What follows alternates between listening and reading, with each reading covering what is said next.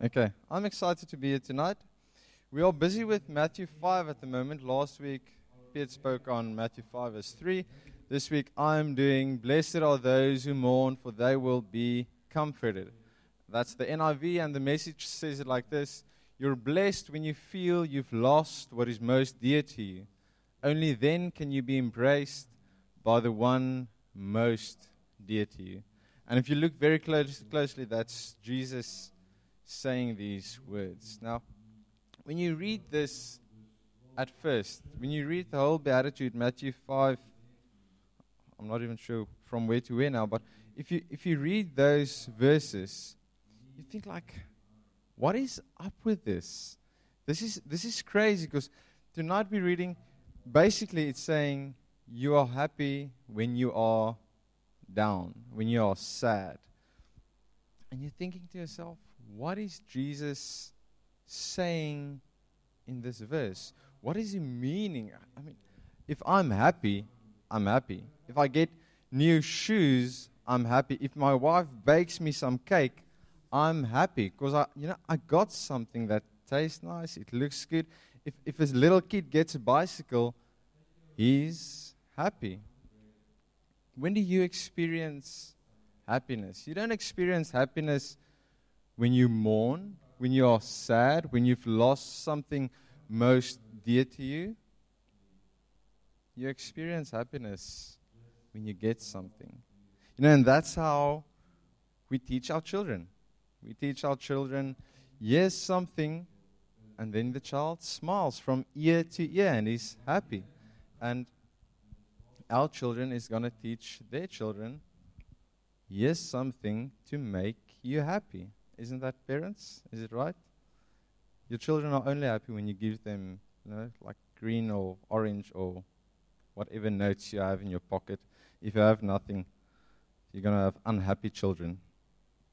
And we teach our children, children stuff brings happiness. And the other day on this, I, I spoke to a, to a um, school principal, and just in the conversation, it, it came up and he, he told me about how blessed the school is. And of course, when I heard the words, how blessed the school is, immediately my ear, ears went whoop, listening, because I know, okay, here's, here's something that's coming, because we are busy with blessed are those.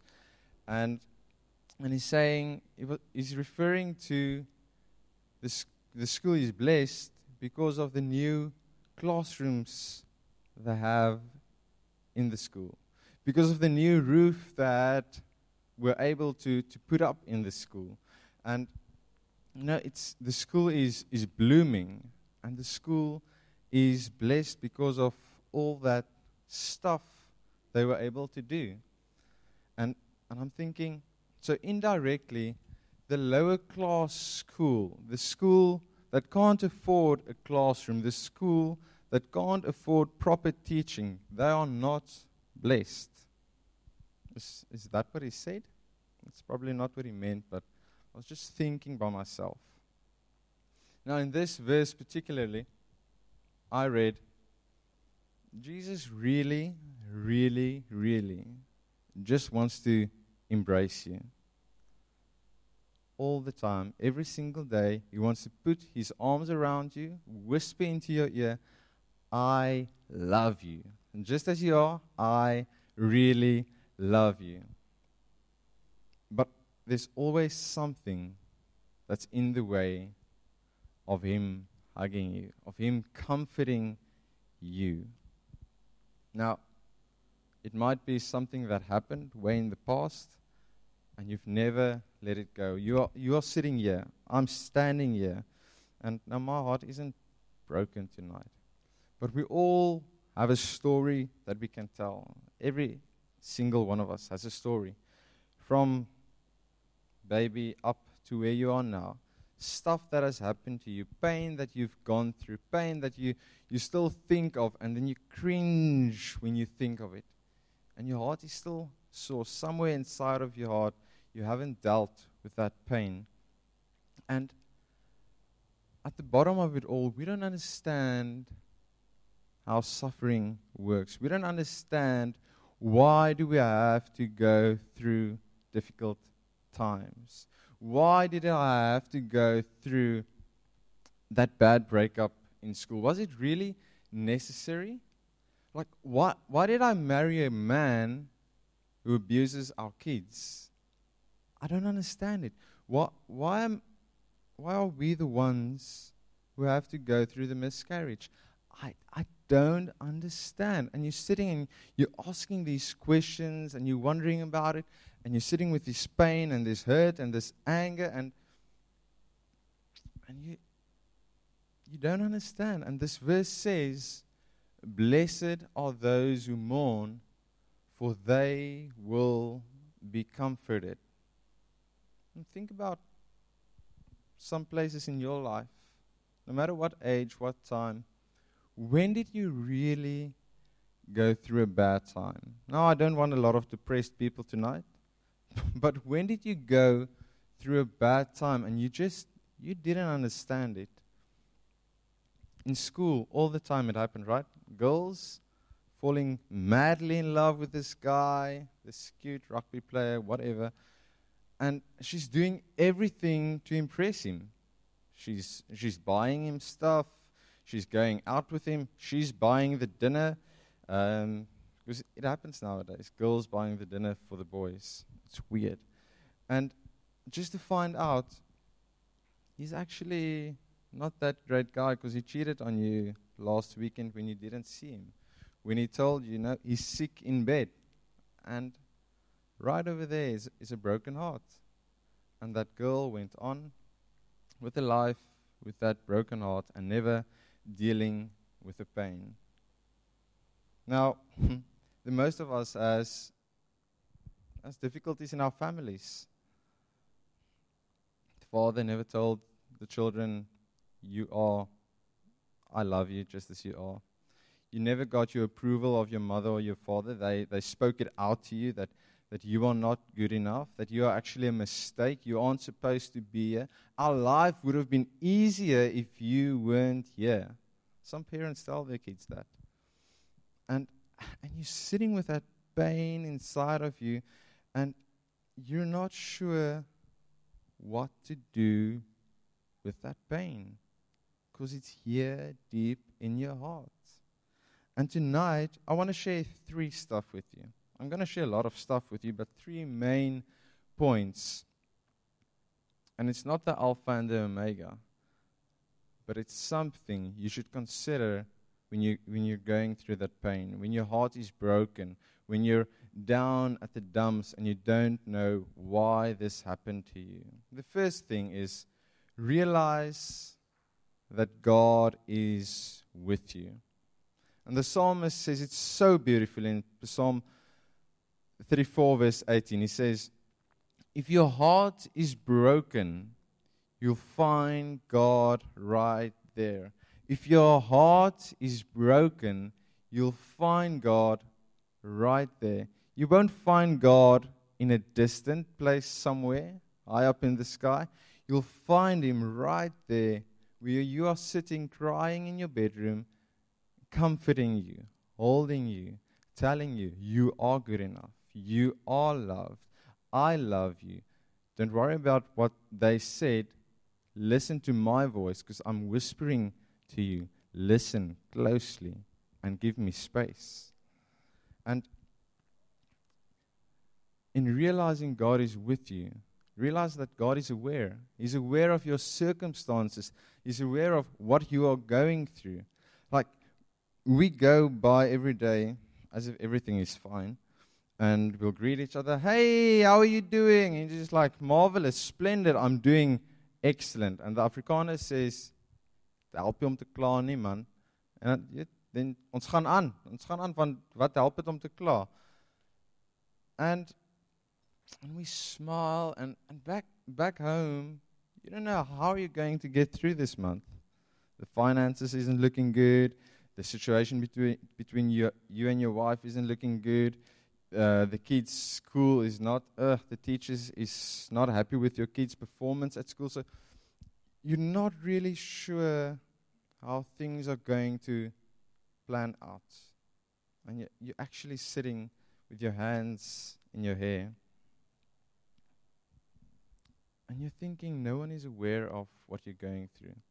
No one can see that you're going through a difficult time. Because if I, if I dress properly, if I shave and I, I look nice, no one will notice that I'm going through a difficult time. Right?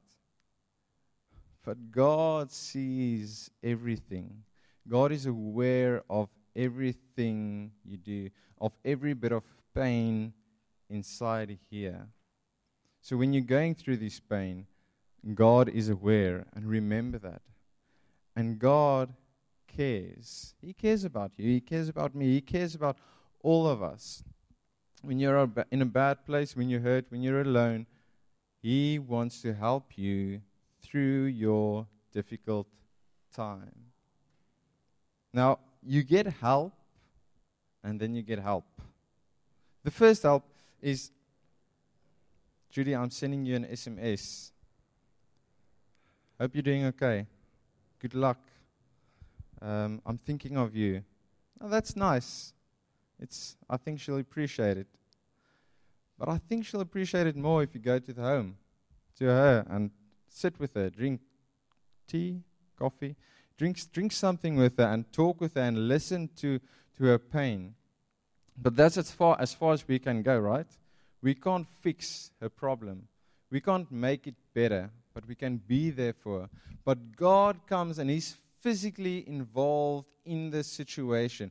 He's right there in the midst of the situation. When you're going through your difficult time, when you're going through pain, when there's no one else around you, no one else to talk to, God is there sitting and He's busy. He's busy working in my heart, He's busy working in other people's hearts. And and eventually, God, you'll see how God works, how He physically makes that pain go away.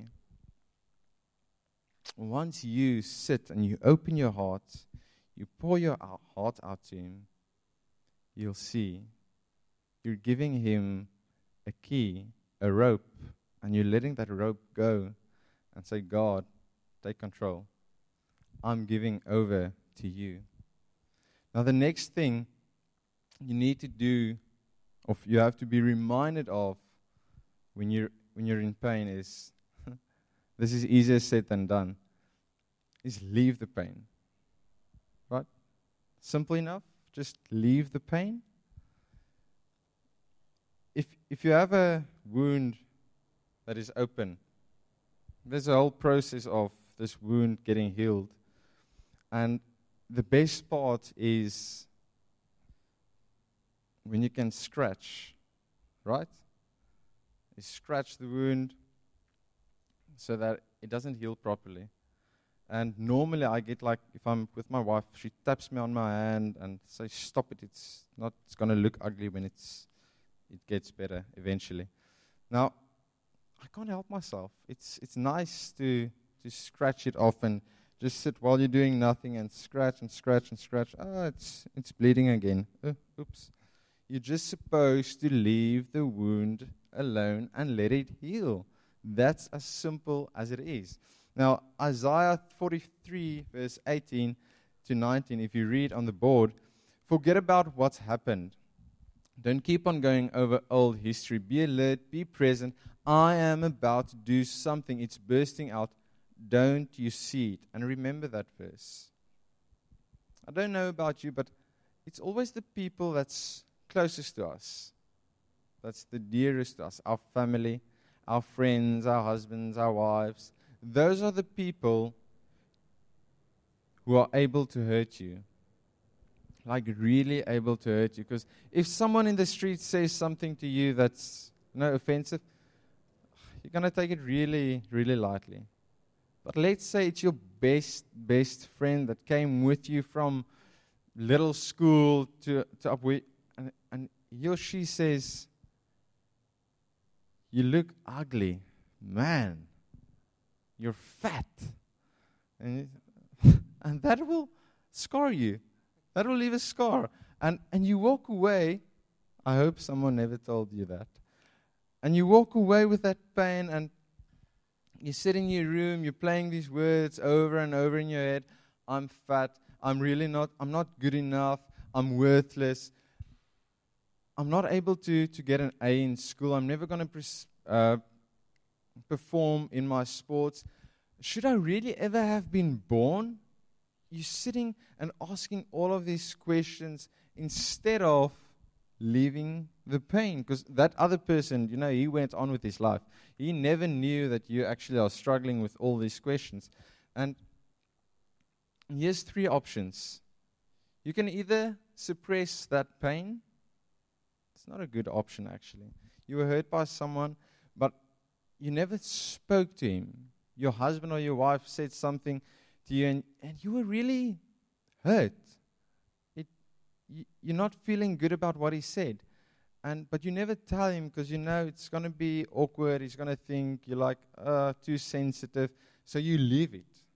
So you put it there in your heart and you just put it down. Never say something about it. And someone tomorrow, someone else at works at work says something to you. Again, something that's painful. And you take it, you don't speak to that person, and you just press it down.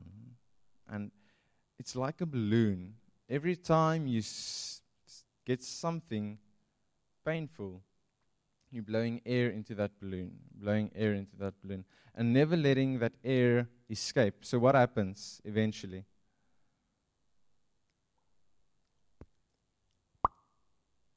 It pops, it cracks, you crack. Because you never spoke about anything, you never let it out, you, you kept on suppressing the pain. Now, the second option is you can rehearse the pain. Now, rehearsing pain is, is also easy. It's, it's very easy thing to do. Is you can think about it over and over and over again, because that's what I think most of us do, right? It's, it's playing that, that words that guy said to me over and over and over and over again in your head. It's like, why did he tell me that? Why? Is, is it true? Am I really that kind of person?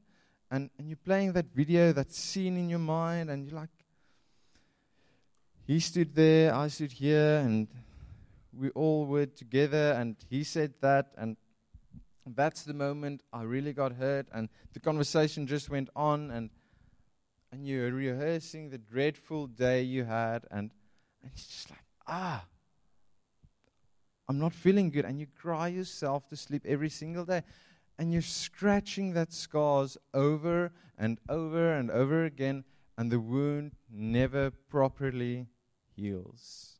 And the third option is leave the pain. Now, don't get me wrong, I struggle with this as well. Leaving pain, leaving it behind. It's not ignoring the pain, it's not suppressing the pain, it is leaving the pain. You are supposed to cry if you need to cry. You are supposed to scream if you need to scream. If you want to talk to someone, talk to someone.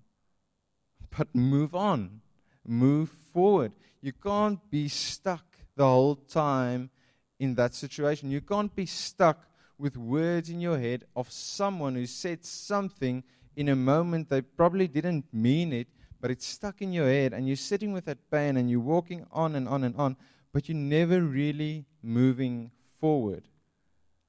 You're always stuck. When you were six years old, that happened to you. So now you are 50 years old, and eventually you tell your story, and, and you say, when, when I was six years old, my dad did this to me. And it's beautiful. It's great if you actually speak about it. but move on. You're not supposed to be telling about your pain from 50 years ago. You're supposed to be telling about your pain from yesterday so that you can move on every single day.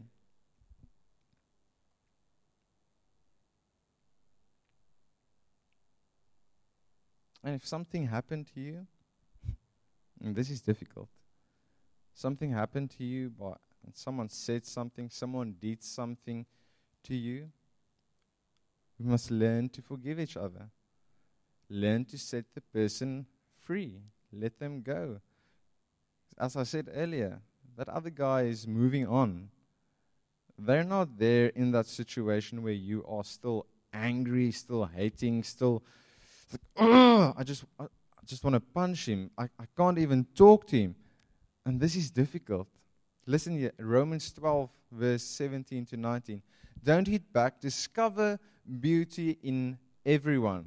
That's almost impossible. It's, it's difficult. If you've got it in you, get along with everybody. Even more difficult. Don't insist on getting even. That's not for you to do. I'll do the judging, says God. I'll take care of you. That's beautiful. Because all God wants here is for you to be pain free, is for you to move on. Because dealing with other people, it's not for you to do. It's not for me to do. It's not for me to judge someone why they decided to do that. It's not for me to judge why they eat people, why they react like that, why they speak negative words on everybody around them. Let God do the judging. And then in the last place,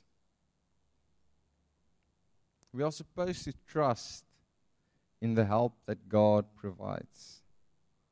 And that's boring, okay? Let's say it straight. We don't like that. We don't like the help God provides because we want something quickly. We want a quick fix. Like, we fix it, but we want it fixed now. Like, so we take the closest pill, we, we drink the pill, and it's good for, for an hour or two. You feel better. You're like floating, and everything is fine, and you're just going on and forgetting about the pain. You're leaving the pain behind, and once you hit the ground, you come crashing down, and everything is worse. It sounds like I, I took pills someday and I know what I'm talking I, I don't know what I'm talking about. But I've heard when you pop a pill, you feel good for, for some time and then it's just twice as bad. And you don't want to talk with your husband because you'll think he's, he will think you're weird. Um, so you talk to your friend at work, your colleague, because they will listen and they'll understand. And sooner or later, you'll find yourself, but I'm actually closer to my colleague. I like my colleague more than my husband. He understands me better, and the only reason for that is you talk more with him than your husband, and you find yourself in a different situation. We like to fix our problems by ourselves. When you get sick, the first place you go to is Google. What does this symptoms mean? Oh, it's cancer. The first thing always coming up is cancer, cancer, cancer. You can type in anything and you'll get cancer. Perhaps. And God's ways isn't my way, it's not your way. Sometimes God takes you through a process and it's a slow process.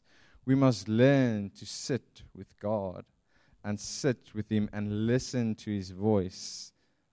Because we, we're going like this every single day from home to work to, to bed to food to this, that, that, that. And we never get chance to just sit and listen to his voice.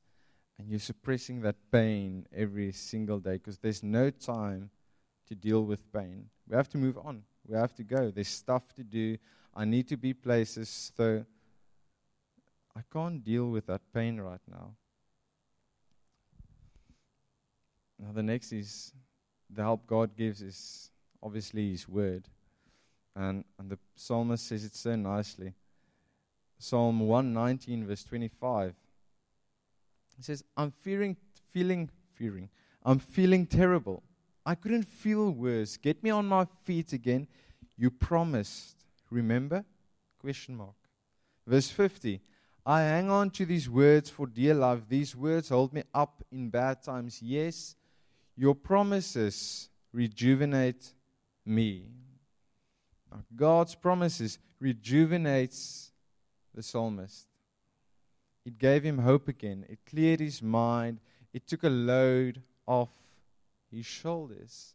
How many times do we just sit with God's word and read it?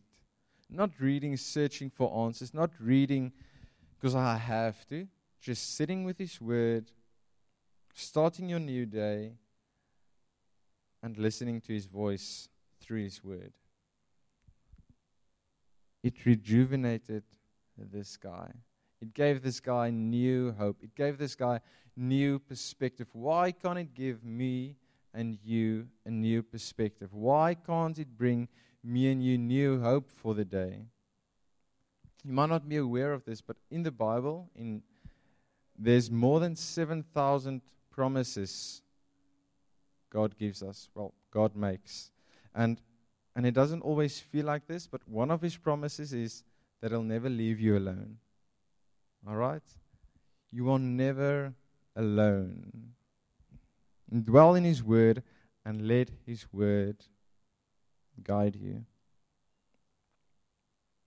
And secondly, God provides His Word and God provides people. He provides people in your, in your life who you can walk a path with, who you can talk to, who you can relate to. In 2 Corinthians 1, verse 3 to 5, and this is spectacular. I, I don't think I've ever read this. It's in, I'm reading from the message. It says, All praise to God the Father of our Master Jesus the Messiah, Father of all mercy, God of all healing counsel. He comes alongside us when we go through hard times. And before you know it, He brings us alongside someone else who is going through hard times so that we can be there for that person just as God was there for us. We have plenty of hard times that come from, the following, from following the Messiah, but no more so than the good times of his healing comfort. We get a full measure of that too. A lot of people tries this this lone ranger Christian thing, you know, just going on their own path, uh, you know, saying I'm a Christian, but doesn't want to join people, doesn't want to join church, doesn't want to mingle with other people, you know, just wants to preach, just wants to say this and that and there, and then he goes on his own way again. But if you are really a follower of Jesus, you can't do it on your own. Because you never walk alone. You have a community of believers that will carry you lo- your load, that wants to carry your load. And you can go and talk to someone. You can come here and trust someone and talk with them. We have a guy in this church. Um, we drove his car at our wedding. His number plate is YNWA. It means you never walk alone. It's, it's, it's special.